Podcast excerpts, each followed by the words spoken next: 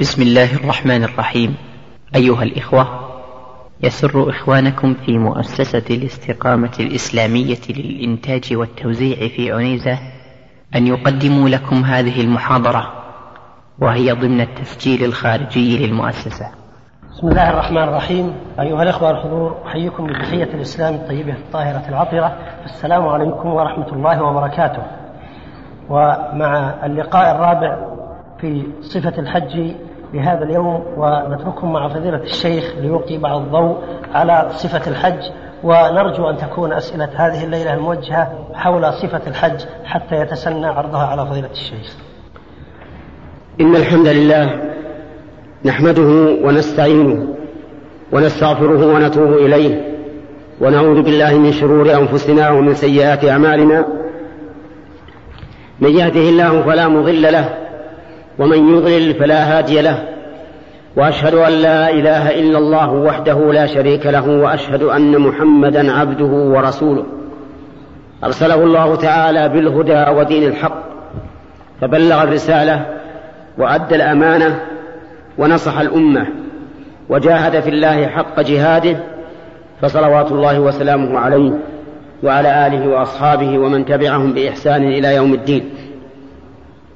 أما بعد أيها الإخوة فإننا في هذه الليلة نحب أن نتكلم على صفة الحج والعمرة وذلك لأننا مأمورون بأمرين هما الإخلاص لله والمتابعة لرسول الله صلى الله عليه وسلم في جميع عباداتنا في الطهارة في الصلاة في الزكاة في الصيام في الحج في كل عمل نتقرب به إلى الله. لا بد من هذين الأمرين. أحدهما الإخلاص لله والثاني المتابعة لرسول الله صلى الله عليه وسلم. فمن لم يخلص لله في عبادته فإن عبادته مردودة عليه. كما يدل على ذلك كلام الله سبحانه وتعالى وكلام رسوله صلى الله عليه وسلم. قال الله عز وجل فمن كان يرجو لقاء ربه فليعمل عملا صالحا ولا يشرك بعبادة ربه أحدا. وقال تعالى وما أمروا إلا ليعبدوا الله مخلصين له الدين حنفاء ويقيموا الصلاة ويؤتوا الزكاة وذلك دين القيمة. وقال تعالى لنبيه محمد صلى الله عليه وسلم فاعبد الله مخلصا له الدين. ألا لله الدين الخالص. وفي الصحيح عن النبي صلى الله عليه وسلم من حديث أبي هريرة رضي الله عنه قال النبي صلى الله عليه وسلم قال الله تعالى أنا أغنى الشركاء عن الشرك. من عمل عملا أشرك فيه معي غيري تركته وشركه. فالله سبحانه وتعالى أغنى الشركاء عن الشرك. لا يريد عملا يكون له فيه شريك. من عمل عملا أشرك فيه مع الله فإن الله تعالى يتركه وشركه أي وما أشرك به فلا يقبل منه. وأما اتباع النبي صلى الله عليه وسلم فلا بد في فلا بد في كل عبادة منه بقول الله عز وجل قل إن كنتم تحبون الله فاتبعوني يحببكم الله. وقال عز وجل وأن هذا صراطي مستقيما فاتبعوه. ولا تتبعوا السبل فتفرق بكم عن سبيله ذلكم وصاكم به. وقال النبي صلى الله عليه وسلم من عمل عملا ليس ليس عليه أمرنا فهو رد أي مردود عليه. وإذا كان لا بد لا بد في العبادة من وإذا كان لا بد في العبادة من اتباع الرسول صلى الله عليه وسلم فإنه لزاما على كل إنسان يريد أن يتعبد أن يعرف كيف كان النبي صلى الله عليه وسلم يؤدي هذه العبادة حتى تتحقق له المتابعة. لأنك لا يمكن أن تتابع الرسول عليه الصلاة والسلام وأنت لا تدري كيف يفعل. لهذا يجب عليك أن تعلم كيف كان النبي صلى الله عليه وسلم يتوضأ؟ كيف كان يصلي؟ كيف كان يتصدق؟ كيف كان يصوم؟ كيف كان يحج؟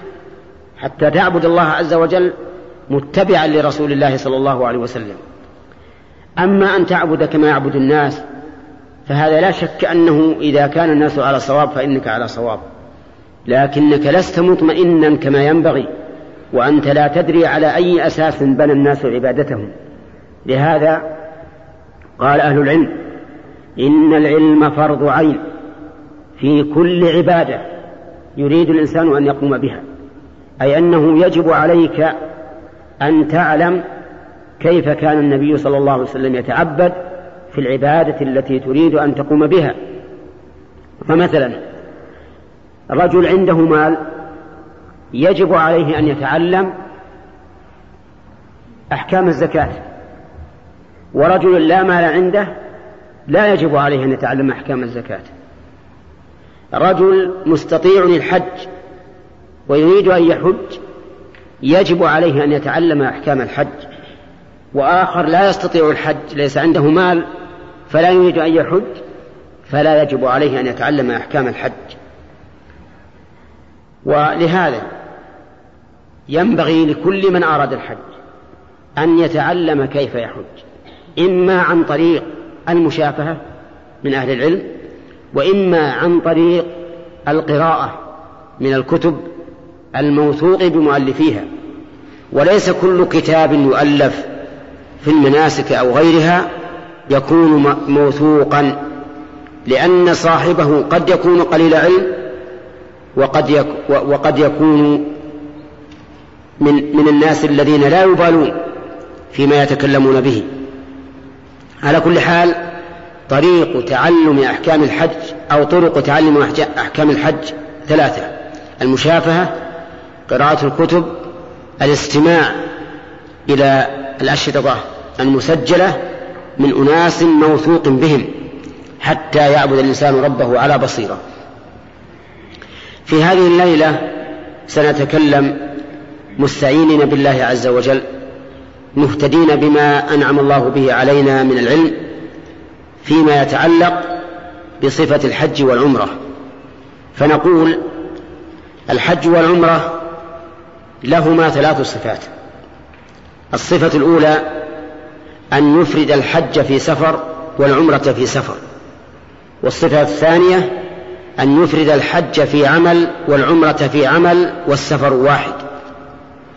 الصفة الثالثة أن يقرن الحج والعمرة جميعا في عمل واحد. فهذه ثلاث صفات. الصفة الأولى أن يفرد العمرة في سفر والحج في سفر.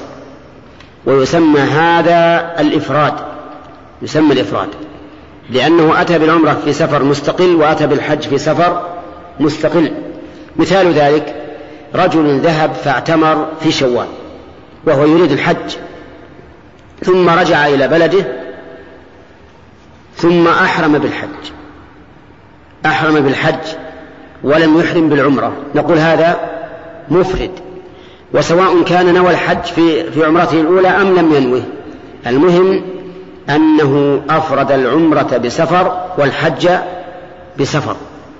ولهذا كان القول الراجح من أقوال أهل العلم أن المتمتع إذا قطع تمتعه بالرجوع إلى بلده فإنه إذا إذا رجع يحرم بالحج مفردا ولا يكون متمتعا. وإن شاء تمتع بعمرة جديدة فلا حرج. هذه الأنساك الثلاثة. فما هو الأفضل منها؟ نقول الأفضل هو التمتع. الأفضل التمتع. إلا لمن ساق الهدي فالأفضل في حقه القران. ودليل ذلك أن النبي صلى الله عليه وسلم أمر أصحابه الذين لم يسوقوا الهدي أن يجعلوها عمرة ليكونوا متمتعين. أما هو فقال إن معي الهدي فلا أحل حتى أنحر. يعني حتى يأتي يوم النحر. لأنه كان لأنه كان قد ساق الهدي ومن ساق الهدي فالقران في حقه أفضل.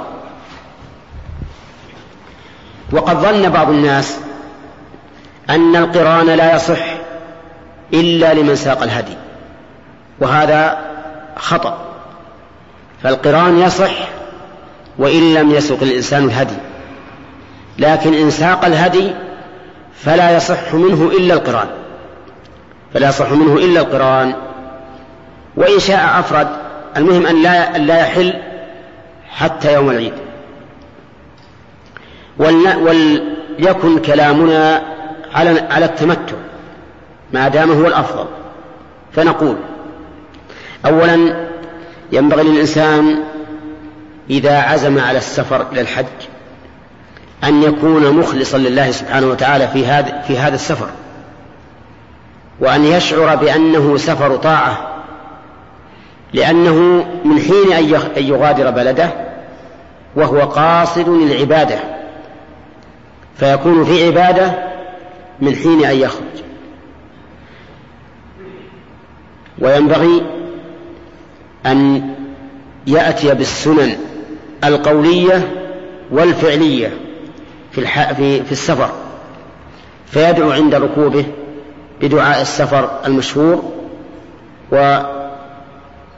ويستمر في السير وكلما علا كبر وكلما انخفض سبح لأن هذا دأب الصحابة رضي الله عنهم. وليحرص على فعل الصلاة في أوقاتها مع الجماعة إن كان ممن تطلب منه جماعة. وليحرص كذلك على أن يتطهر بالماء ولا يتهاون كما يفعله بعض الناس. يكون الماء عنده ميسرا ولكن يتيمم بحجة أنه في سفر. والله عز وجل يقول وإن كنتم مرضى أو على سفر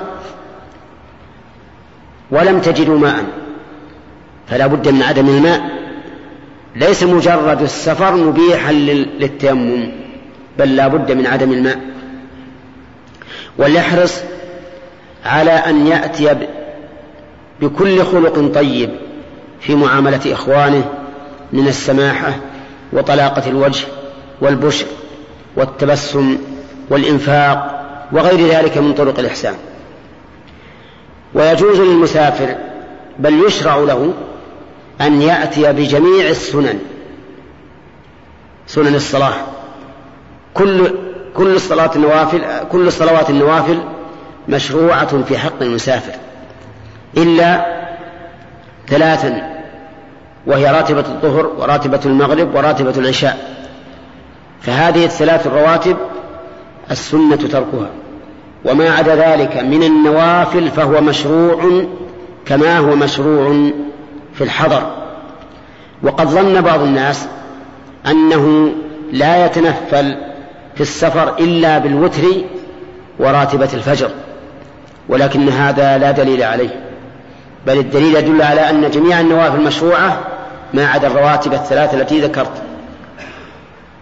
فإذا وصل إلى الميقات فإنه يسن له عند الإحرام أن يتجرد من ثيابه ويغتسل ويتطيب في رأسه وبدنه ولا يطيب ثياب الإحرام.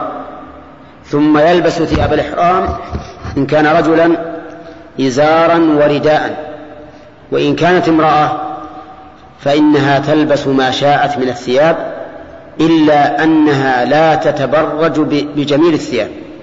يعني لا تلبس ثيابا جميلة تلبس ما شاءت. ثم بعد هذا بعد الاغتسال والتطيب ولباس الإحرام إن كان الوقت وقت صلاة مفروضة صلى الفريضة إذا جاء وقتها ثم أحرم عقبها. وإن شاء أحرم إذا ركب. وإن لم يكن وقت صلاة فريضة وصار يريد أن يغادر الميقات قبل أن يأتي وقت الصلاة فلا بأس أن يصلي الصلاة المشروعة. إن كان في الضحى فصلاة الضحى. إن كان في الليل فصلاة الليل. إن كان في وقت آخر فصلاة الوضوء لأن الوضوء له سنة. ثم يحرم بعد هذا فيقول لبيك عمرة. لبيك اللهم لبيك لبيك لا شريك لك لبيك إن الحمد والنعمة لك والملك لا شريك لك. يصوت بها الرجل بصوت مرتفع. وأما المرأة فلا تجهر بها إلا بقدر ما يسمع من بجنبها. ويستمر في هذه التلبية إلى أن يشرع في الطواف. وإذا دخل المسجد الحرام قدم رجله اليمنى وقال بسم الله والصلاة والسلام على رسول الله اللهم اغفر لي ذنوبي وافتح لي أبواب رحمتك. أعوذ بالله العظيم أعوذ بالله العظيم وبوجهه الكريم وبسلطانه القديم من الشيطان الرجيم. ثم يتقدم إلى المطاف فيبدأ الطواف. يبدأ الطواف من الحجر. إن تيسر له أن أن يصل إلى الحجر بدون أذية ولا تأذي فليفعل. وإن لم يتيسر كأوقات المواسم فإنه يكتفي أن يستقبل الحجر ويشير بيده ويقول بسم الله والله أكبر اللهم إيمانا بك وتصديقا بكتابك ووفاء بعهدك واتباعا لسنة نبيك محمد صلى الله عليه وسلم. وقد كان الناس يعانون فيما سبق يعانون من موافقة محاذاة الحجر الأسود. لأنه لا بد أن تحاذي الحجر الأسود فكان بعض الناس يعاني يعاني من ذلك. لأنه لا يضبط أنه حاذاه ضبطا كاملا. ومن توفيق الله عز وجل أن الحكومة وفقها الله وزادها توفيقا وضعت هذا الخط البني الذي ينطلق من قلب الحجر على خط مستقيم إلى نهاية المطاف. وعلى هذا فليكن ابتداء الطواف من هذا الخط. ثم تجعل الكعبة عن يسارك وتطوف سبعة أشواط. وهذا أي طواف؟ هذا طواف العمرة. طواف العمرة. وهو طواف عمرة وطواف قدوم في نفس الوقت. لأنه لأن طواف القدوم هو الطواف أول ما يقدم الإنسان إلى مكة. في هذا الطواف يسن للرجل سنتان. السنة الأولى الاطباع والسنة الثانية الرمل. أما الاطباع فهو أن يبدي الإنسان كتفه الأيمن ويجعل الرداء من تحته ويجعل طرفي الرداء على الكتف الأيسر. هذا هو الاطباع وهو مشروع في الطواف فقط. يفعله إذا ابتدأ الطواف ويعيد رداءه على كتفه إذا انتهى الطواف. أما السنة الثانية فهي الرمل. الرمل لكنه ليس في جميع الطواف بل في في الأشواط الثلاثة الأولى. والرمل قال العلماء سرعة المشي مع مقاربة الخطى يعني أن تسع في مشيك لكن بدون أن تمد خطوتك. بل تجعل الخطى قريبا بعضهم من بعض. لكنه في الأشواط الثلاثة الأولى فقط. و وذلك من أجل راحة الطائف. لأنه لو قيل له استمر في الرمل جميع الأشواط السبعة لشق عليه هذا. وهذا الرمل سنة لكن إذا كان المطاف زحاما لا يمكنك أن ترمل إلا بمشقة أو تأذي فإنه لا يلزمك أن ترمل بل تمشي على حسب الحاجة وكلما وجدت فجوة ومتسعا فارمل ما دام ما دامت الأشواط الثلاثة الأولى. فماذا يقول في طواف الإنسان؟ يقول في طوافه ما شاء من ذكر ودعاء وقراءة قرآن إلا أنه كلما حاذ الحجر الأسود قال الله أكبر. ويقول بينه وبين الركن اليماني ربنا آتنا في الدنيا حسنة وفي الآخرة حسنة وقنا عذاب النار. الإشارة إلى الحجر الأسود تكون عند نهاية الشوط أو عند ابتداء الشوط. تكون عند ابتداء الشوط. وعلى هذا فإنه في آخر الشوط لا يشار إلى الحجر الأسود عند انتهائه. في آخر الشوط لا يشار إلى الحجر الأسود عند انتهائه. لأن الإشارة إنما تشرع عند ابتداء الشوط. فإذا انتهى الشوط آخر السبعة فاستمر متقدما إلى مقام إبراهيم. ولا تشر. ولأنك إذا وصلت إلى الحجر عند آخر نقطة انتهى الطواف. فإذا حاذيت الحجر فقد حاذيته في وأنت في غير طواف وحينئذ لا حاجة إلى الإشارة. إذا لا يشير لسببين. السبب الأول إيش؟ أن الإشارة في ابتداء الشوط لا في انتهائه. السبب الثاني أن الإنسان أن الطائف ينتهي طوافه عند آخر نقطة قبل أن يصل إلى الحجر. فإذا وصل الحجر فهو في غير طواف فلا يشرع له أن أن يشير. ثم تتقدم إلى مقام إبراهيم وتقرأ واتخذوا من مقام إبراهيم مصلى وتصلي ركعتين خفيفتين. تقرأ في الأولى قل يا أيها الكافرون وفي الثانية قل هو الله أحد. والمهم أن تجعل المقام بينك وبين البيت أي بينك وبين الكعبة سواء دنوت منه أو بعدت عنه.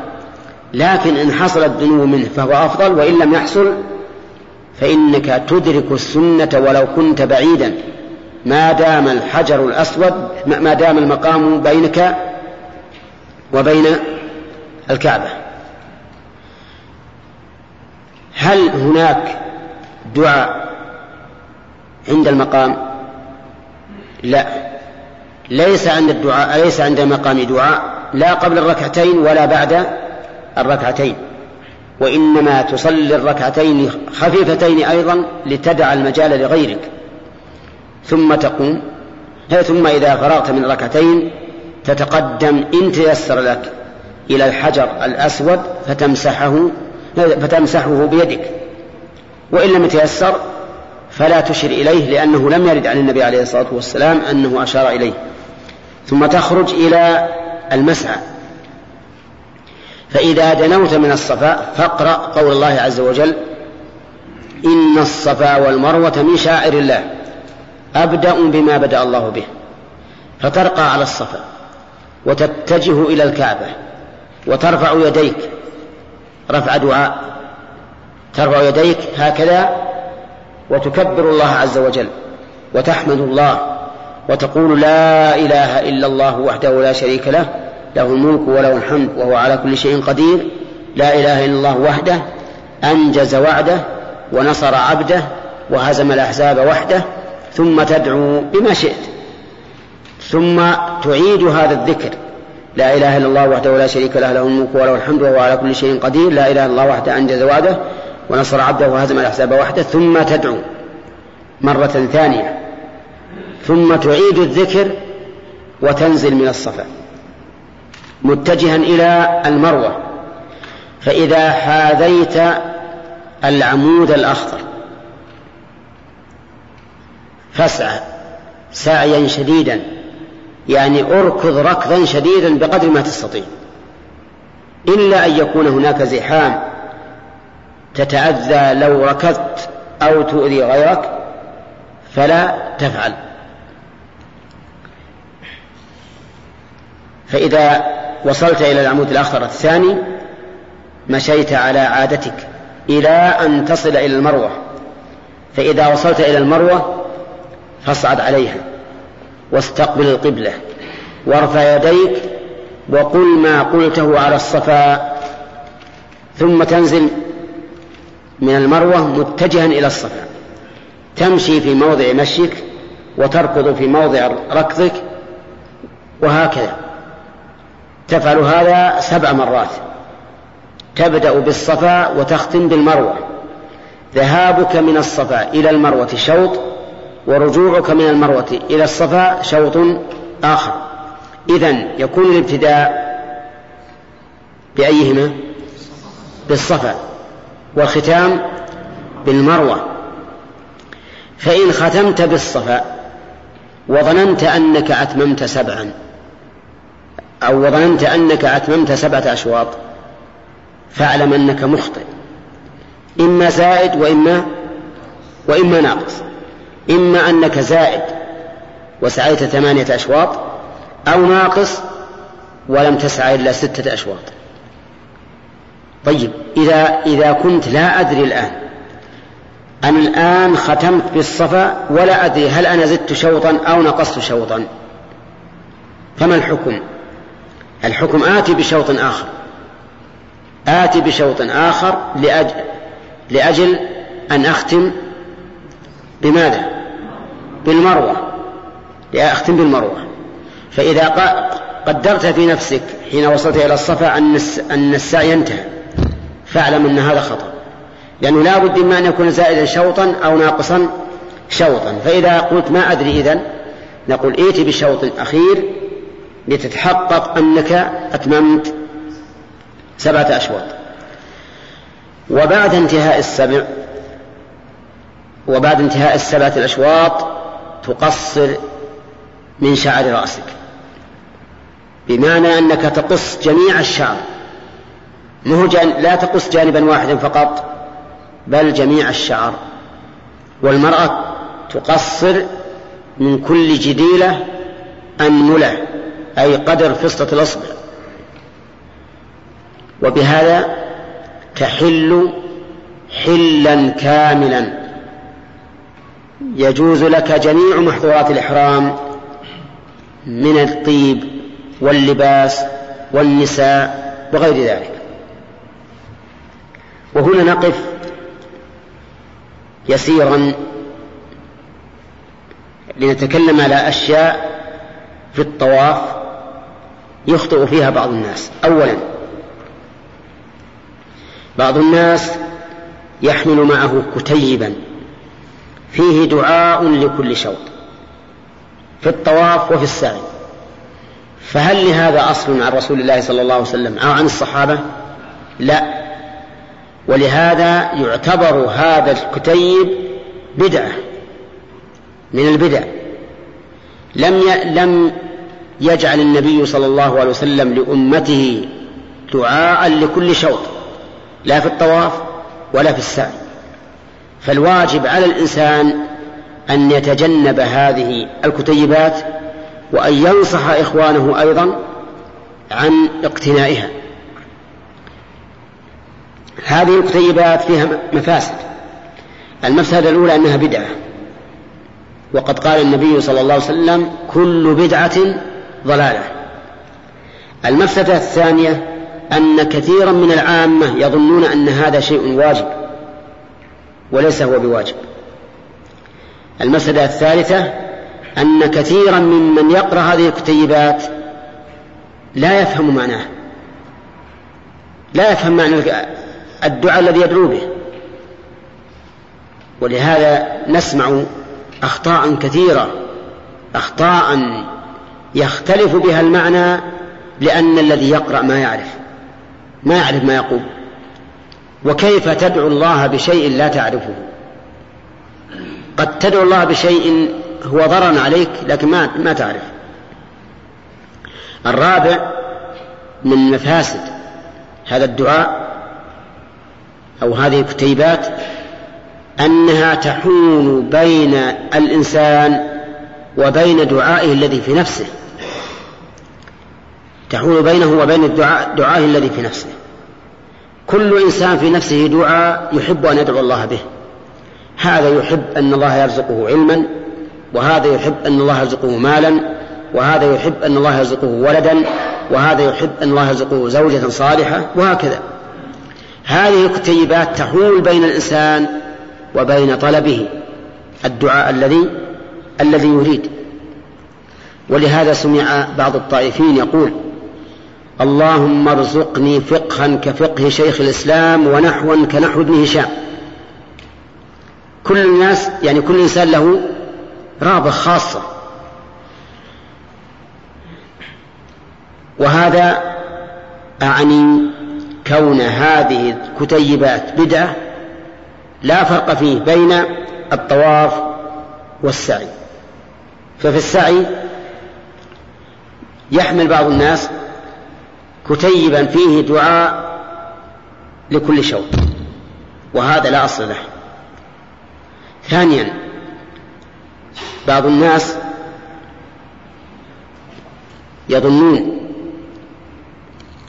أن الاطباع يعني إخراج الكتف الأيمن يكون في الطواف والسعي وفي كل الإحرام. ولهذا تجده من حين من حين يحرم وهو مضطبع. لو شاهدت الحجيج الآن لوجدت الحجيج كلهم أو أكثرهم يطبعون من حين من حين الإحرام. وهذا خطأ. إذ السنة أن يكون الاتباع متى؟ في الطواف في طواف القدوم. يعني في الطواف أول ما تقدم. لا في السعي ولا في غيره. ثالثا بعض الناس مع الزحم مع الزحمة الشديدة يختصر الشوط فيدخل من بين الكعبة القائمة والحجر. وهذا خطر عظيم جدا. لماذا؟ لأنه يجب أن يكون الطواف من وراء الحجر. فإذا طاف إنسان من دون الحجر بينه وبين الكعبة القائمة فإن شوطه لا يصح. وحينئذ يرجع وهو لم يطف. وقد وقع هذا فعلا فإن من الناس من طاف طواف الإفاضة ولكنه دخل من الباب الذي بين الحجر وبين الكعبة حتى تحلل ورجع إلى بلده وسأل فقيل له إن طوافك طواف الإفاضة, طواف الإفاضة لم يصح وعليك أن ترجع الآن لتطوف طواف الإفاضة على وجه صحيح. لماذا لم يصح؟ لأنه لم يطف من وراء الحجر والطواف من وراء الحجر شرط لصحة الطواف. خامسا بعض الناس يطوف من سطح المسجد. فهل هذا جائز؟ الجواب إن كان هناك مشقة في الطواف أسفل فلا حرج أن يطوف الإنسان في السطح. ولكن ينبغي أن يحترز من أن يطوف فوق المسعى لأن المسعى ليس من المسجد. والعلماء يقولون لا بد أن يكون الطواف داخل المسجد.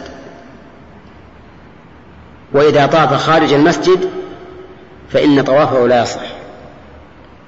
والمسعى إلى الآن ونحن نعتبره خارج المسجد. ولهذا لو أن المرأة حاضت بعد الطواف وقبل السعي قلنا طوفي ولا حرج عليك. نعم؟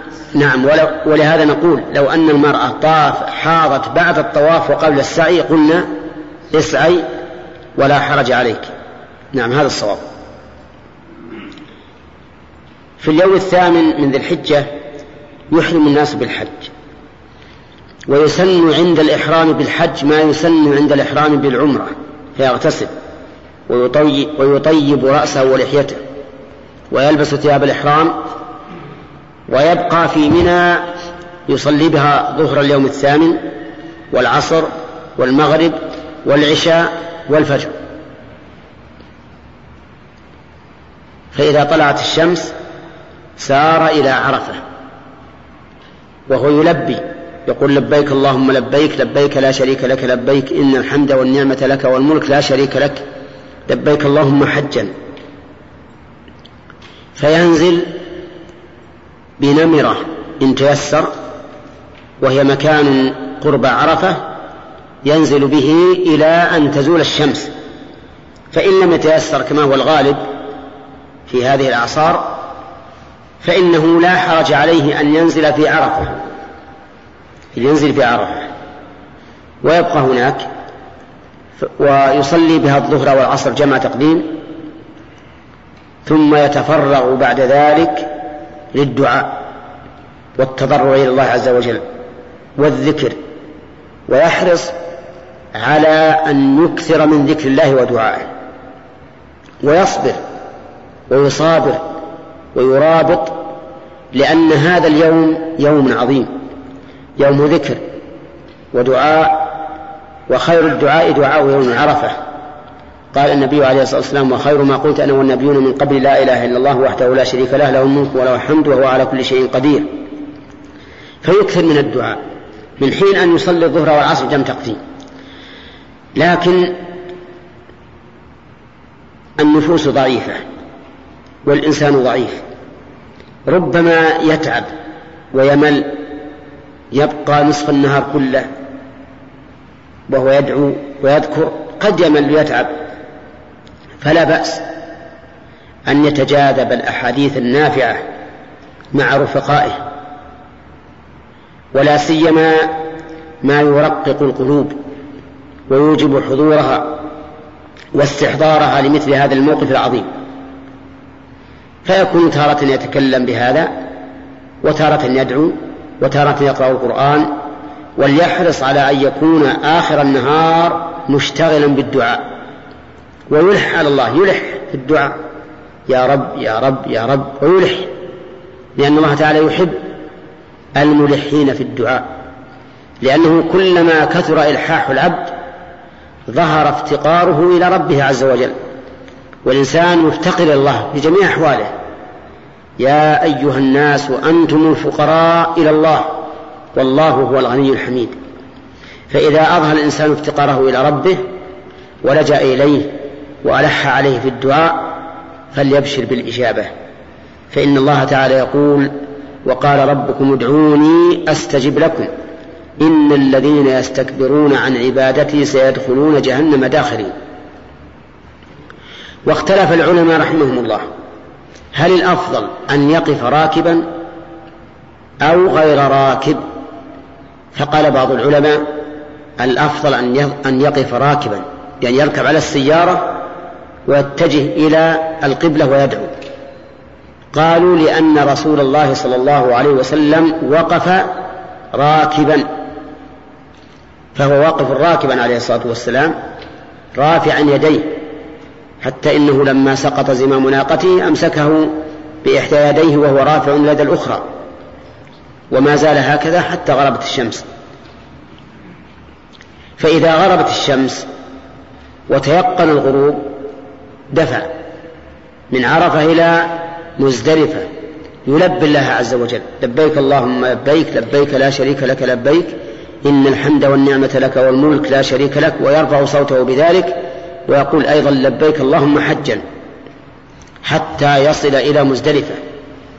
فإذا وصل إلى مزدلفة صلى بها المغرب والعشاء جمعا. لأن النبي صلى الله عليه وسلم جمع فيها جمع تأخير وذلك أنه لم يصل إليها إلا بعد دخول وقت العشاء. فإن قدر أن وصلت إليها وقت المغرب فالأفضل أن تصلي المغرب ثم تنتظر حتى يأتي وقت العشاء فتصلي العشاء. إلا أن يكون في ذلك شيء من المشقة عليك فلا حرج أن تجمع جمع تقديم. وتبقى في تلك الليلة تبقى في مزدلفة. ولا ينبغي أن تحيي تلك الليلة بذكر أو دعاء أو قرآن أو تهجد لا. الأفضل أن تنام. لأن الرسول صلى الله عليه وسلم لما صلى المغرب والعشاء اضطجع نام حتى طلع الفجر ولم يقم تلك الليلة ولم يشتغل بالتسبيح ولا بالقرآن ولا بشيء أبدا. نام لأجل أن ينقض التعب الذي حصل في في عرفة ويستجد النشاط للعمل الذي يكون في يوم النحر. هذا هو السنة. وظاهر الأحاديث أن النبي صلى الله عليه وسلم لم يوتر تلك الليلة لأنها لأنهم لم يذكروا أنه أوتر. ولكن الأحد ولكن هناك أحاديث عامة تدل على أن النبي صلى الله عليه وسلم لم يدع الوتر حضرا ولا سفرا. وعلى هذا فتصلي العشاء ركعتين ثم توتر بما شاء الله ثم تنام إلى طلوع الفجر.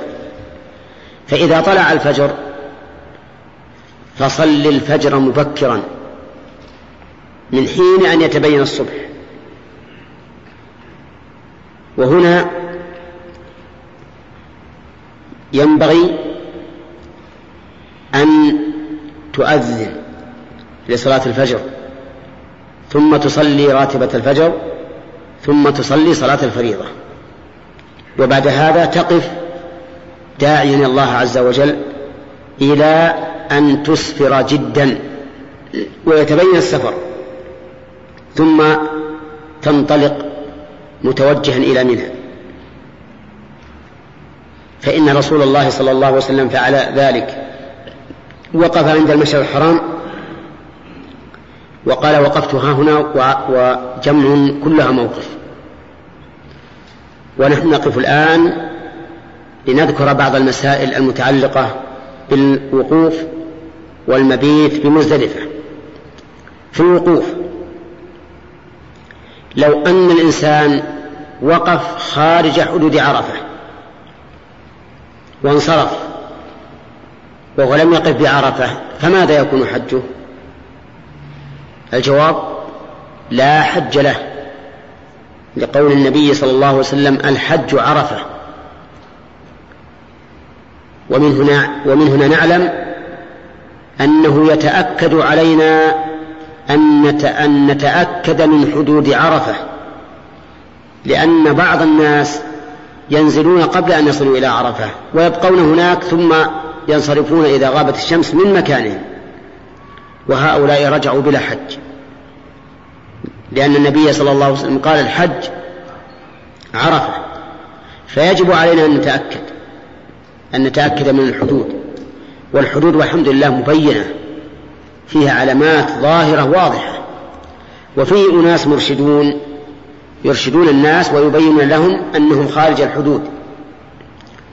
ثانيا هل من السنة أن تشق على نفسك لتصل إلى إلى موضع إلى الموضع الذي وقف فيه الرسول عليه الصلاة والسلام؟ لا ليس هذا من السنة. بل السنة أن تقف في مكانك إذا كان يشق عليك الذهاب.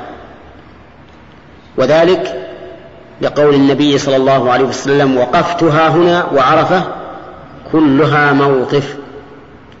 وفي هذا والله أعلم إشارة إلى أننا لا نكلف أنفسنا بالذهاب إلى موقف الرسول عليه الصلاة والسلام.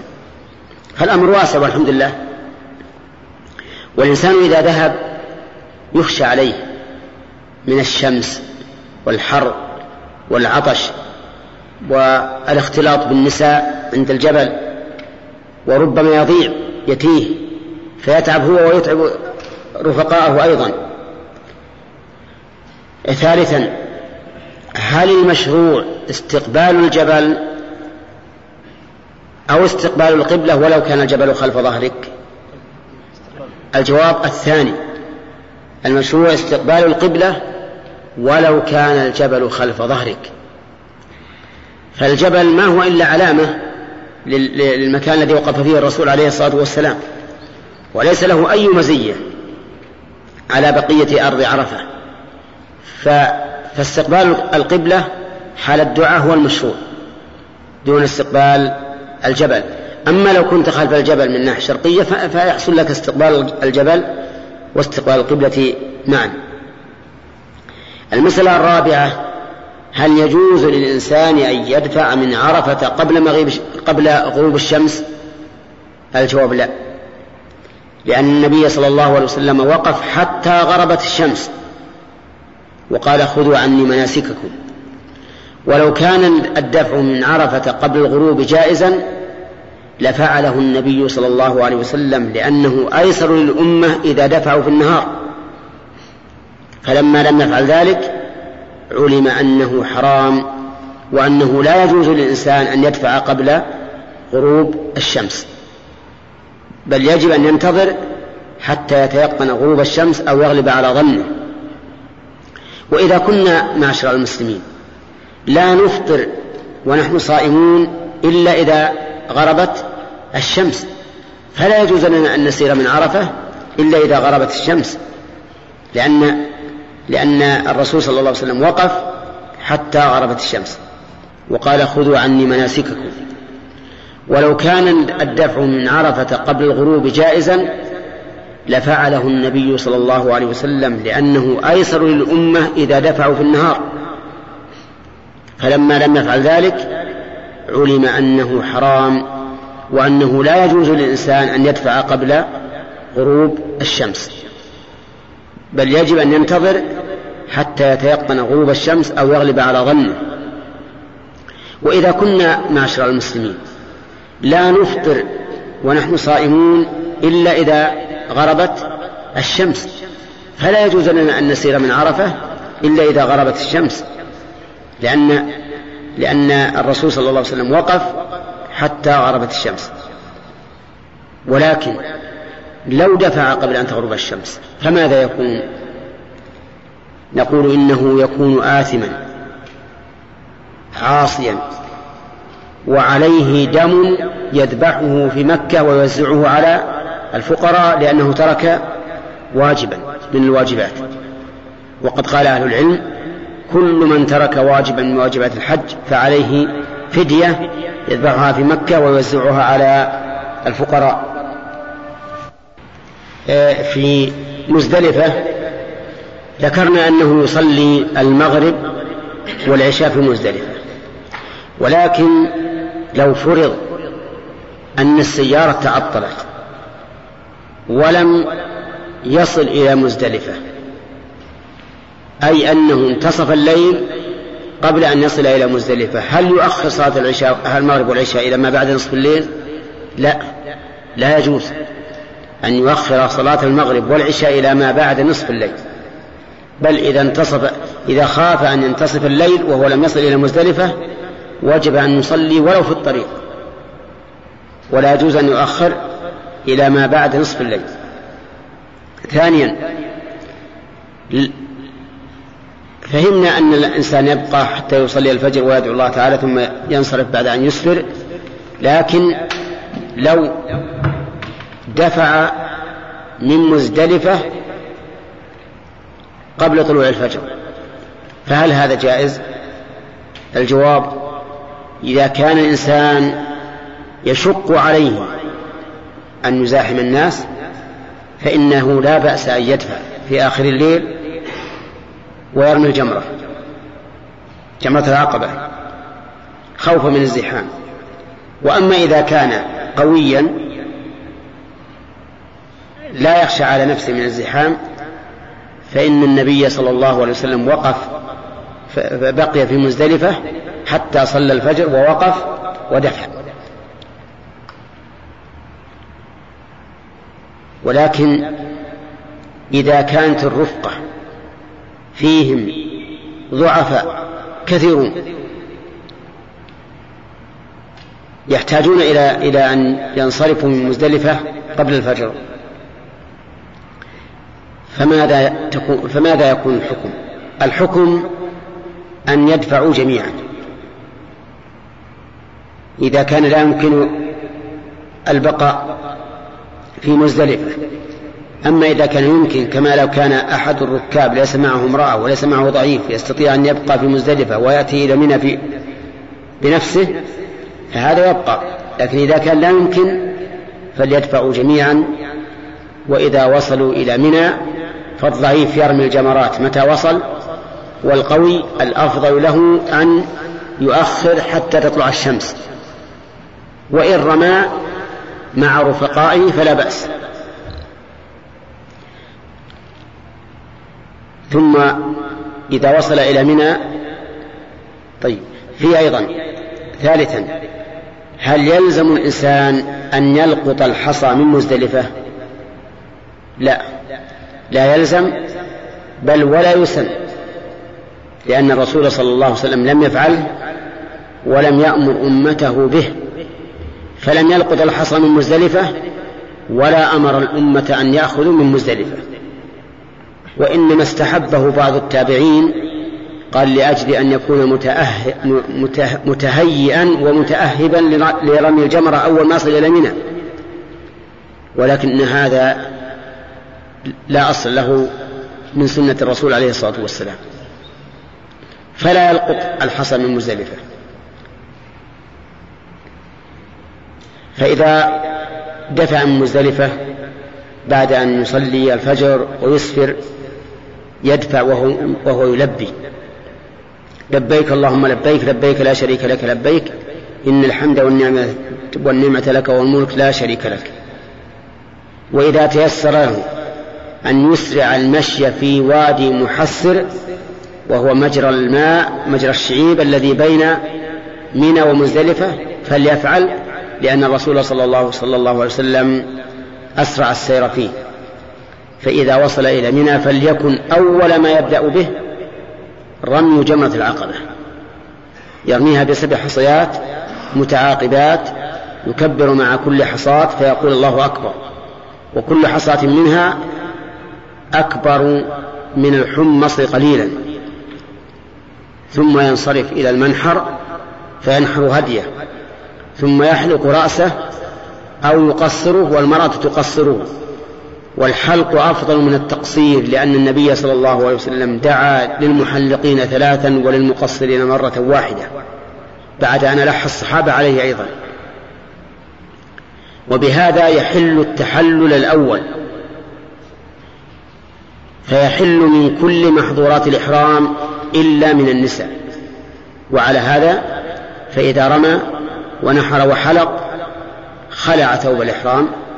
ولبس ثيابه المعتادة وتطيب وقلم أظفاره وأزال الشعر الذي تسن إزالته لأنه حل من كل شيء إلا من النساء. ثم بعد هذا يتطيب يعني يسن أن يتطيب ليطوف بالبيت وينزل إلى مكة ويطوف. طواف الإفاضة وهو طواف الحج ويسعى بين الصفا والمروة سعي الحج. وبهذا يحل التحلل كله. ثم يرجع إلى منى فيبيت بها. أظن أنه اتضح لنا أن الإنسان يفعل يوم العيد خمسة أنساك. أولها إيش؟ رمي جمرة العقبة.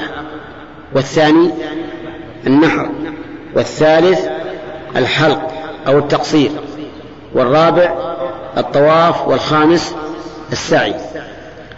والأفضل أن يرتبها هكذا فيبدأ بالرمي ثم النحر ثم الحلق والتقصير ثم الطواف ثم السعي. وإن قدم بعضها على بعض فلا حرج عليه لأن النبي صلى الله عليه وسلم كان يسأل في يوم العيد عن التقديم والتأخير فما سئل عن شيء قدم ولا أخر إلا قال افعل ولا حرج. ويبيت بمنى ليلة الحادية عشر وليلة الثانية عشر. وينبغي له أن يستغرق الوقت بالذكر وقراءة القرآن والعلم والأشياء النافعة لأن هذه أيام فاضلة لا ينبغي أن تذهب عليك سدى. وإذا زالت الشمس من اليوم الحادي عشر رميت الجمرات الثلاث تبدأ بالأولى فترميها بسبع حصيات متعاقبات تكبر مع كل حصاة ثم تتقدم قليلا وتجعلها خلف ظهرك ثم تقف وترفع يديك فتدعو الله تعالى دعاء طويلا. وقد جاء في بعض الروايات أنه بقدر سورة البقرة فإن تيسر لك هذا وإلا كفى ما تيسر. ثم ترمي جمرة الجمرة الوسطى بسبع حصيات متعاقبات تكبر مع كل حصاة ثم تنحدر على اليسار وتقف مستقبل القبلة. رافعا يديك تدعو الله تعالى دعاء طويلا. ثم ترمي جمرة العقبة بسبع حصيات متعاقبات ولا تقف عندها. تفعل هذا الرمي في اليوم الحادي عشر وفي اليوم الثاني عشر ثم إن شئت بعد رمي الجم... بعد رمي اليوم الثاني عشر إن شئت أن تبقى في منى فتتأخر. فلك ذلك. وإن شئت أن تنزل وتتعجل فلك ذلك. لأن الله عز وجل يقول واذكروا الله في أيام معدودات فمن تعجل في يومين فلا إثم عليه ومن تأخر فلا إثم عليه لمن اتقى. نعود الآن لننظر ماذا يكون في منى. يكون في منى المكث يوم العيد ويوم الحادي عشر ويوم الثاني عشر. لكن لك أن تنص أن تخرج من منى في آخر اليوم الثاني عشر. والمكث فيها ليلا ونهارا هو السنة. ولكن يجوز لك أن تخرج من منى في النهار وترجع فتبيت بها. والمراد أن تبيت معظم الليل. ولكن لا تكون كما لا تفعل كما يفعل بعض الناس اليوم. تجده إذا نزل يوم يوم العيد إلى مكة وطاف وسعى ذهب إلى بيته واشتغل بترفه وكأنه غير حاج. فإذا قارب نصف الليل أو فإذا قارب نصف الليل خرج إلى منى وبقي فيها حتى يصلي الفجر ثم رجع إلى بيته. هذا في الحقيقة ليس حجا على صفة ما حج عليه الرسول عليه الصلاة والسلام.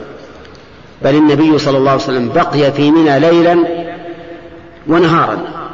والمسألة ما هي إلا يومان أو ثلاثة أيام فقط.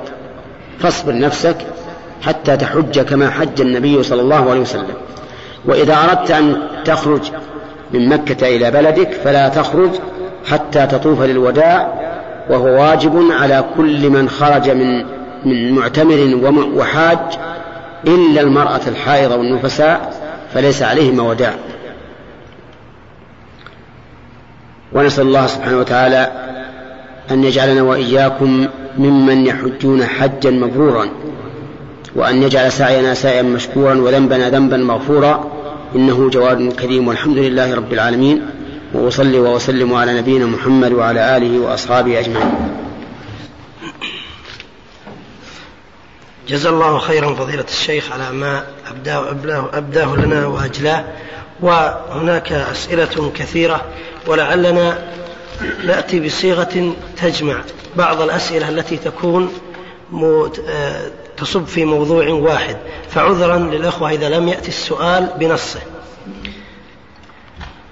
سؤال حول التلبية هناك من يلبون بشكل جماعي مع أنه ربما كان فيه تشجيع لهم وتنشيط فهل ينكر عليهم رغم أن بعضهم يستدل بما ورد في صحيح البخاري قال كان ابن عمر وأبو هريرة يخرجان إلى السوق أيام العشر يكبران ويكبر الناس بتكبيرهما. أو أن المراد من, فعل من فعلهما التذكير فقط. بسم الله الرحمن الرحيم. الحمد لله رب العالمين. وأصلي وأسلم على نبينا محمد وعلى آله وأصحابه أجمعين. التلبية تشرع لكل واحد بانفراده ولا تسن جماعة. ولهذا قال أنس بن مالك رضي الله عنه خرجنا مع النبي صلى الله عليه وسلم فمنا من فمنا المهلل ومنا المكبر ومنا الملبي. وهذا يدل على أن كل واحد منهم يذكر الله تعالى بانفراده. هذا يقول الله أكبر ولله الحمد وهذا يقول لا إله إلا الله وهذا يقول لبيك. فهذه هي السنة. وما يذكره السائل من أنهم إذا كانوا جماعة فإنه ينشط بعضهم بعضا. فنقول التنشيط بغير ما ورد لا ينبغي ولا, ولا يهم. نشط نفسك على ما ورد. عن النبي عليه الصلاة والسلام فهو خير. وأما ما ذكره من أثر عبد الله بن عمر وأبي هريرة رضي الله عنهم فليس فيه دليل على ذلك لأن قولهم قوله يكبر الناس بتكبيرهما يحتمل أن يكون الناس يتبعونه على التكبير. في فيكبر مثلا عبد الله بن عمر فيتبعه الناس ويحتمل أن المعنى يكبرون بتكبيرهم أي مثل تكبيرهم. وإن كان كل واحد يكبر عن انفراد وهذا هو الأقرب. نعم. وهذه أسئلة حول الطواف. الأول يقول ماذا يقول أو يفعل قبل بدء الطواف؟ هل يسمي ويكبر أو يكبر فقط؟ وهل يستقبل الحجر بكليته أو ماذا؟ وما حكم الالتزام ما بين الحجر والباب؟ وكذا جميع أجزاء البيت. هذه الفقرات أجبنا عنها في الواقع بما تكلمنا فيه ولا حاجة إلى إعادة الجواب فليرجع إلى الشريط. أما بالنسبة للالتزام فإن الالتزام فعله الصحابة رضي الله عنهم وهو أن يلصق الإنسان صدره وخده ويمد يديه ما بين الحجر الأسود والباب.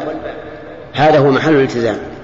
وبقية أركان الكعبة وبقية جدران الكعبة ليست محلا للالتزام فلا يسمى التزامها وينبه على من فعل ذلك أي على من التزم في غير موضع الالتزام ينبه عليه بأن هذا ليس من السنة. نعم. يعمد كثير من الرجال إذا كان معهم نساء أن يمسك بعضهم بيد بعض في الطواف ويتحلقوا على من معهم من النساء. حتى إن بعضهم ربما طاف على قفاه والكعبة عن يمينه. ثم إنه قد تكون النساء ليس كلهن محارم له ليس كلهم محارم لهن. أرجو بيان ذلك. هذا من الأمر الخطير من وجه والمؤذي من وجه آخر. أما كونه مؤذيا فلأنهم إذا جاءوا هكذا مجتمعين آذوا الناس وضايقوهم.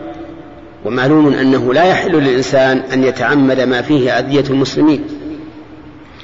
وأما الخطر فلأنه كما قال السائل بعض الناس يطوف والكعبة خلف ظهره أو الكعبة أمام وجهه وهذا لا يصح لأن من شرط الطواف أن تجعل الكعبة عن يسارك فإذا جعلتها خلف ظهرك أو على يمينك أو أمامك فإن الطواف لا يصح. هل هل السنة الإشارة إلى الحجر إذا لم يستطع الاستلام في كل شوط باليد بيدين أو أم بيد واحدة؟ السنة أن تشير بيد واحدة فقط لأن النبي صلى الله عليه وسلم كان يستلمه بيد واحدة. فكذلك الإشارة إنما تكون بيد واحدة وهي اليمنى. نظرا للزحام في موسم الحج خاصة فهل يجوز المرور بين يدي المصلي في الحرم؟ لا. لا يجوز المرور بين يدي المصلي في الحرم كما لا يجوز المرور بين يدي المصلي في غيره. والأحاديث الواردة في تحريم المرور بين يدي المصلي عامة لم لم يخصص منها شيء.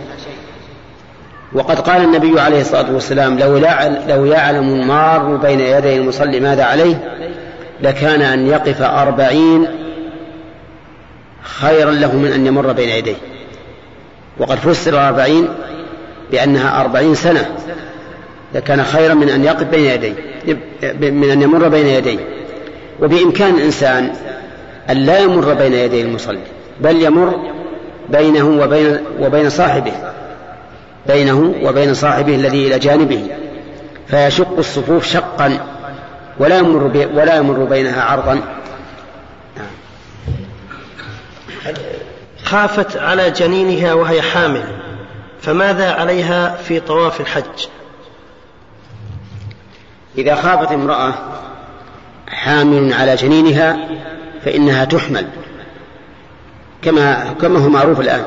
في كل من عجز عن الطواف يحمل لقول الله تعالى فاتقوا الله ما استطعتم.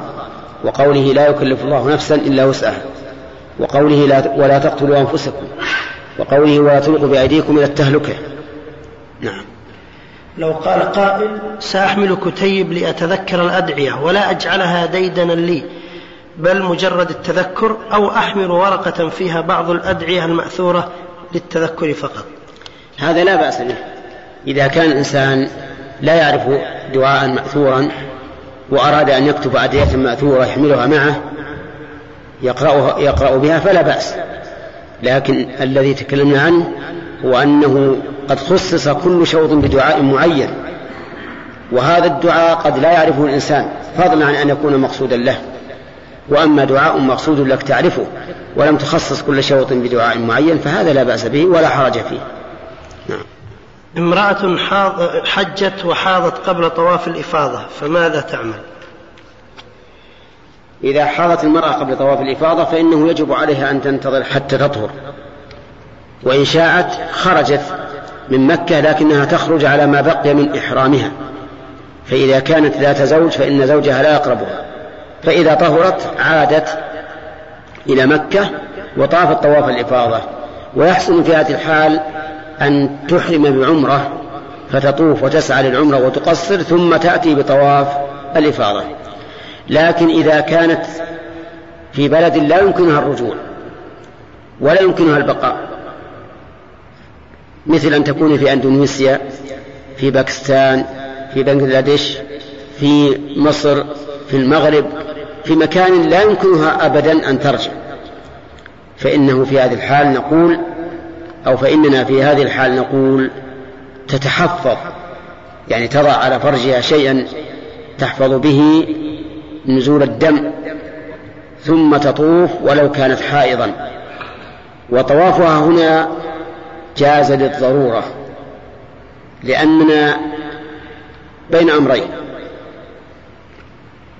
بل بين ثلاثة أمور. إما أن نقول لا تطوفي وارجعي إلى بلدك وأنت على ما بقيت عليه من الإحرام. وفي هذا من المشقة ما لا يحتمل.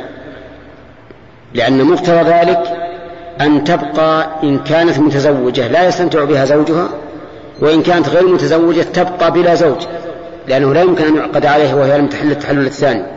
وهذا لا شك أن فيه مشقة شديدة. وإما أن نقول اعتبري نفسك محصرة وتحللي بهدي وهذه الحجة ليست لك ضاعت عليك. وهذا أيضا فيه مشقة عظيمة لا سيما في امرأة لم يتيسر لها الحج إلا هذه السنة ولن يتيسر في المستقبل.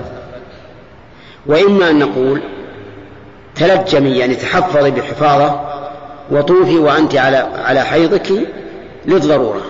ولا شك أن هذا القول هو أقرب الأقوال إلى قواعد الشرع. وهو الذي اختاره شيخ الإسلام ابن تيمية رحمه الله. وعلى هذا فنقول لهذه المرأة التي لا يمكنها أن تبقى ولا يمكنها أن ترجع تلجمي أي تحفظي وطوفي ولا حرج عليك. نعم. فضيلة الشيخ السلام عليكم ورحمة الله وبركاته. السلام ورحمة الله وبركاته. ما حكم استخدام الإبرة الموقفة للعادة الشهرية؟ وكذلك الحبوب التي توقف العادة الشهرية علما بأنها ربما توقف لمدة ساعات فقط. كأن السائلة تريد هذا في أيام الحج. إيه؟ آه نقول إنه لا بأس بذلك للضرورة لكن بشرط أن يكون هذا بعد موافقة الطبيب. فإذا قال الطبيب لا بأس أن تستعمل هذه الإبرة وهذه الحبوب فلا بأس أن تستعملها من أجل الضرورة. حتى لساعات إي نعم نعم. سواء كان لساعات أو لأيام. هل شرب ماء زمزم بعد الطواف سنة؟ وما معنى قوله صلى الله عليه وسلم ماء زمزم لما شرب له؟ وبماذا يدعو؟ إن رسول الله صلى الله عليه وسلم بعد أن طاف طواف الإفاضة يوم العيد شرب من ماء زمزم. شرب منه ولهذا استحب العلماء أن يشرب من ماء زمزم بعد طواف الإفاضة. وأما قوله ماء زمزم لما شرب له فمعناه أنك إذا شربته عن عطش رويت به وإن شربته عن جوع شبعت به فهو طعام طعم وشفاء سقم. إن شربته أيضا للشفاء من مرض كان فيك فإنك فإنك تشفى بإذن الله. نعم. ما حكم رفع اليدين عند التكبير فوق الصف فوق الصفا أو المروة؟ وأقصد رفع اليدين كهيئة من يريد الدخول في الصلاة فأنا أرى أناسا يفعلون ذلك. نعم. هؤلاء الذين يكبرون يرفعون أيديهم على الصفا والمروة ويشيرون بها كأنما يريدون أن يكبروا للصلاة ليس عندهم علم. والمشروع في رفع اليدين على الصفا وعلى المروة أن يرفعهما رفع دعاء. وقد بينا هذا في كلامنا على صفة الحج والعمرة فليرجع إليه في الشريط. وهكذا أيضا عند الإشارة إلى الحجر الأسود كثير من الناس يشير إليه كأنما, كأنما يريد الدخول في الصلاة وهذا أيضا لا أصل له. وإنما يشير إليه بيد, بيد واحدة وهي اليمنى إشارة علامة فقط وتعيين. نعم. فضيلة الشيخ قد يشق على الساعي الصعود على الصفا والمروة من الزحام فهل يوجد حد أدنى للصعود عليهما؟ نأمل تحديده تماما حيث يوجد بلاط خشن مع بداية الصعود ثم ينقطع ويأتي بلاط ناعم ثم يأتي الحجران أعني الصفا أو المروة. نعم. حد المسعى الواجب استيعابه هو حد الحد الفاصل للعربيات. يعني طريق العربيات منتهى هو هو حد المكان الذي يجب استيعابه في السعي. لأن الذين وضعوا طريق العربيات وضعوه على منتهى ما يجب السعي فيه. وعلى هذا فلو أن الإنسان إذا وصل إلى حد طريق العربيات ثم تقدم قليلا بنحو متر ثم رجع فقد تم سعيه. وإن لم ينتهي به وإن لم ينتهي به الصعود إلى أعلى الصفا وأعلى المروة. نعم. فضيلة الشيخ ما هي السنة في سعي المرأة بين العلامتين الخضراوين؟ هل تسرع في السعي أم لا؟ لا. المرأة لا تسرع. لا في الطواف في الأشواط الثلاثة الأولى ولا بين العلمين الأخضرين. وقد حكى بعض العلماء إجماع أهل العلم على أن المرأة ليست من أهل السعي أي ليست من أهل الركض ولا من أهل الرمل. وعلى هذا فيكون الدليل المخصص هو إجماع العلماء رحمهم الله على أن المرأة لا تسعى ولا ترمل نعم هل هل المسعى من المسجد الحرام؟ أشرنا إليه في ال في, ال في الكلام الأول وقلنا إنه حتى الآن أعتبره خارج المسجد الحرام. نعم. وهل يجوز للحائض أن تسعى قبل طواف الإفاضة ويبقى عليها طواف الإفاضة إذا طهرت ويكون في نفس الوقت طواف وداع؟ نعم. نعم يجوز للحائض وغير الحائض أن يقدم السعي على طواف الإفاضة ولكن الأفضل أن يبدأ بالطواف ويسعى بعده وهذا مجزئ عن طواف الوداع إذا جعله الإنسان عند خروجه يعني أن السعي بعد الطواف لا يمنع من كون الطواف آخر ما, ما يكون. لأن هذا السعي تابع للطواف. نعم.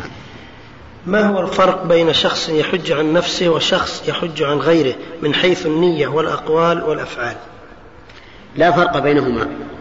إلا أن الذي يحج عن غيره يقول لبيك عن فلان وينويه عنه وينويه عنه. أما الحاج عن نفسه فيقول لبيك ويريد أنه يلبي عن نفسه. ولهذا ينبغي لمن أخذ حجا عن الغير أن لا يخص نفسه بالدعاء بل يدعو لنفسه ويدعو لمن وكله في الحج عنه. إذا كان الشخص معه نساء فأيهما أفضل؟ أن يدفع من مزدلفة بعد غياب القمر أو أن يؤخر الرمي إلى بعد العصر؟ بعد الزحام. نعم. الذي يظهر لي أن الأفضل أن يتقدم لأن النبي صلى الله عليه وسلم أذن للضعفة من أهله أن يتقدموا ولم يأمرهم أن يتأخروا ويرموا العصر. وهذا لا شك أنه من تيسير الله عز وجل لأنه إذا تقدم ورمى وحل صار في ذلك تيسير عليه. وفرح بالعيد كما يفرح كما يفرح الناس. أما لو تأخر إلى العصر فإنه يبقى محرما وفيه شيء من الحرج والمشقة على المكلف. فالأفضل لمن كان يشق عليه الزحام أن يتقدم من مزدلفة ليرمي قبل أن يأتي الزحام. نعم. رفقة مات معهم شخص فما الذي تعمله بشأن مناسكه المتبقية؟ إذا مات الإنسان وهو متلبس بالنسك فإنه لا يقضى عنه. لأن النبي صلى الله عليه وسلم قال في الرجل الذي وقصته ناقته في عرفة فمات. قال عليه الصلاة والسلام اغسلوه بماء وسدر ولا تخمروا رأسه ولا تحنطوه وكفنوه في ثوبيه فإنه يبعث يوم القيامة ملبيا. وهذا يدل على أن الإنسان إذا مات أثناء النسك لا يقضى عنه ما بقي. نعم. وزارتي تنتدبني للعمل بالمشاعر فهل يحق لي أن أؤدي الحج علما أنها ليست الفريضة؟ وإذا أثر الحج بشكل يسير على مهمة رسمية فهل يمنع ذلك من الحج؟ المنتدب أو المنتدب لمهمة رسمية في أيام الحج لا لا يعقد الحج إلا بعد مراجعة مسؤوله. فإذا أذن له بأن يحج فلا بأس أن يحج. أما أن يحج بدون إذنه بدون إذن مسؤوله فإن هذا خلاف ما يقتضيه العقد. لأن الذي يقتضيه العقد بين الموظف وبين الحكومة أن يلتزم ما تقتضيه الأنظمة إذا لم تكن مخالفة للشرع. ما هو المشعر الحرام؟ هل هو مكان في مزدلفة أم هو مزدلفة نفسه؟ المشعر الحرام هو مكان في مزدلفة لكن قد يطلق على المزدلفة كلها أنها مشعر حرام لأنها مكان نسك وسنت مشعرا حراما لأنها داخل أميال الحرم ولهذا يقال المشعر الحلال والمشعر الحرام. فالمشعر الحلال هو عرفة والمشعر الحرام مزدلفة. لكن حديث جابر رضي الله عنه يقول ركب النبي صلى الله عليه وسلم حتى أتى المشعر الحرام. يعني ركب من مكان في مزدلفة حتى أتى المشعر الحرام وهو المكان الذي فيه المسجد اليوم. نعم. إذا كانت حافلة فيها مجموعة من الناس ومن بينهم رجل مسن وامرأة كبيرة فهل يجوز لهم جميعا أن يدفعوا من مزدلفة بحجة هذا الرجل وهذه المرأة أم لا؟ لا. لا يجوز لهم أن يدفعوا بحجة رجل أو أو امرأة أو رجلان أو امرأتان. ولهذا لم يدفع النبي عليه الصلاة والسلام من مزدلفة بل من أجل الضعف من أجل الضعفة من أهله. بل أذن للضعفاء أن يدفعوا من مزدلفة وبقي هو. فإذا كان الذي في القافلة رجل أو, أو رجلان أو امرأة وامرأتان فإن, فإن هذا الرجل أو المرأة الضعيفة تبقى مع الناس وتدفع معهم ثم تنتظر في يوم العيد حتى يخف الزحام وترمي أو يرمي الضعيف ولو بعد صلاة العصر. نعم. يتعمد بعض الناس الذهاب إلى مكة في اليوم التاسع ويتعجل الخروج من منى في اليوم الثاني في, في, في اليوم الثاني من أيام التشريق ويفعل ذلك احتسابا. فما رأيكم؟ جزاكم الله خير احتسابا؟ يقول يعني أنه هذا السؤال. ما معنى احتسابا؟ لأن هذا الحج حج ضعيف. عسى أن تبرأ به الذمة كون لا, لا يحرم حتى اليوم التاسع وينصرف في اليوم الثاني عشر. لا شك أنه حج ناقص وأن الأفضل للإنسان أن يحرم بالحج في اليوم الثامن ويصلي في منى خمسة أوقات الظهر والعصر والمغرب والعشاء والفجر ويقف بعرفة يومه كله ويدفع من عرفة بعد غروب الشمس ويبقى في مزدلفة حتى يصلي الفجر ويبقى في منى إلى اليوم الثاني عشر ولكن بعد أن يرمي الجمرات في اليوم الثاني عشر إن شاء تعجل وإن شاء تأخر. نعم. هل يجوز تأخير طواف الحج عن اليوم العاشر إلى اليوم الحادي عشر أو الثاني عشر إذا خفت من الزحام؟ نعم يجوز تأخير طواف الحج عن يوم العيد إلى الحادي عشر والثاني عشر وإلى الخامس عشر وإلى العشرين من شهر ذي الحجة وإلى الخمس والعشرين من شهر ذي الحجة إلى آخر يوم من ذي الحجة. ولكنك تبقى على ما بقي من إحرامك. يعني لا تحل التحلل كله إلا بعد أن تطوف وتسعى. هذا وهذا القول الذي ذكرت أنه له إلى منتهى آه، شهر ذي الحجة قول وسط بين من يقول إنه ليس له أن يؤخره عن أيام التشريق وبين قول من يقول إنه يؤخره إلى الأبد. فالصحيح أنه له أن يؤخره إلى آخر يوم من أيام ذي الحجة. وإذا كان هناك عذر كما لو كانت امرأة نفسا مثل امرأة نفست يوم العيد قبل أن تطوف طواف الإفاضة ولم تطهر إلا بعد أن خرج شهر ذي الحجة فإنها تطوف متى طهرت نعم. وهذا سؤال ما حكم هل الزحام مبرر للرمي ليلا أو لجمع اليومين في يوم أو لتوكيل المرأة لمحرمها؟ نعم. لا بأس. الزحام يبرر الرمي ليلا. فإذا كان هناك زحام فلا حرج أن ترمي في الليل ولك الليل كله. فمثلا في اليوم الحادي عشر رأيت أنه زحام. لك أن تؤخر الرمي إلى طلوع الفجر من اليوم الثاني عشر. فيكون كل الليل وقت للرمي. ولا يجوز أن تؤخر الرمي فتجمعه في آخر يوم. إلا إذا كان يشق عليك المجيء إلى الجمرة. مو من أجل الزحام لكن من أجل البعد. ولهذا رخص النبي صلى الله, صلى الله عليه وسلم للرعاة أن يرموا يوما ويدعوا يوما. أما التوكيل فلا يجوز أبدا إلا لشخص لا يستطيع أن يأتي بنفسه لا ليلا ولا نهارا. فهذا له أن أن يوكل. فصار فصار الإنسان له ثلاث حالات. الحال الأولى أن لا يستطيع الوصول إلى الجمرات لا ليلا ولا نهارا فهذا يوكل. الحالة الثانية أن يستطيع أن يأتي ليلا لا نهارا فهذا يرمي ليلا ولا يرمي نهارا. الحالة الثالثة أن لا يستطيع الوصول إلى الجمرات كل يوم فله أن يجمع ذلك في آخر يوم. كما رخص النبي صلى الله عليه وسلم للرعاة أن يرموا يوما ويدعوا يوما.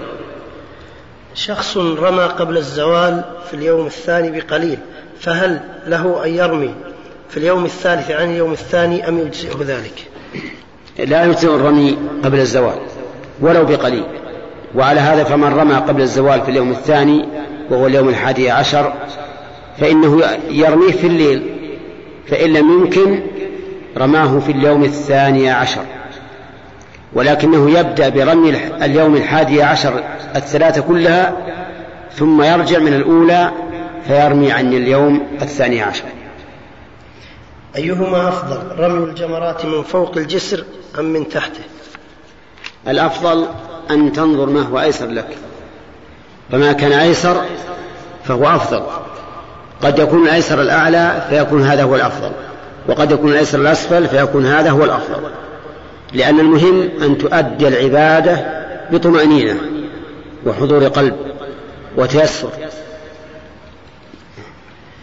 هل الخروج إلى ما قرب من مكة كجدة مثلا يوم العيد غير مخل بالحج؟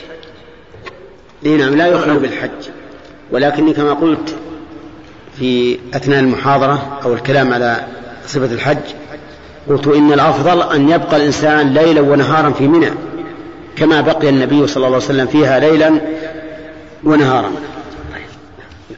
من مر مع منى ليلة الثالث عشر وهو في طريقه إلى بلده بعد طواف الوداع هل عليه شيء؟ ليس عليه شيء.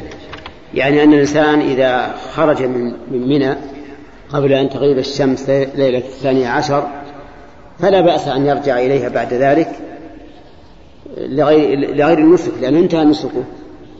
ولا بأس أن ينزل إلى مكة ويطوف طواف الوداع ثم يخرج مارا بمنى. طواف الوداع هل يفرق بين العمرة فيه والحج؟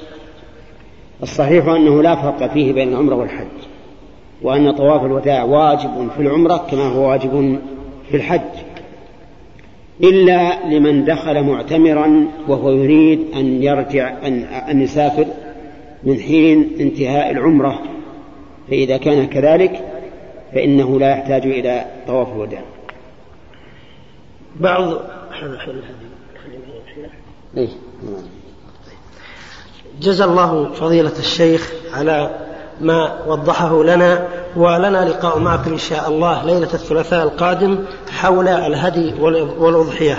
السلام عليكم ورحمة الله وبركاته.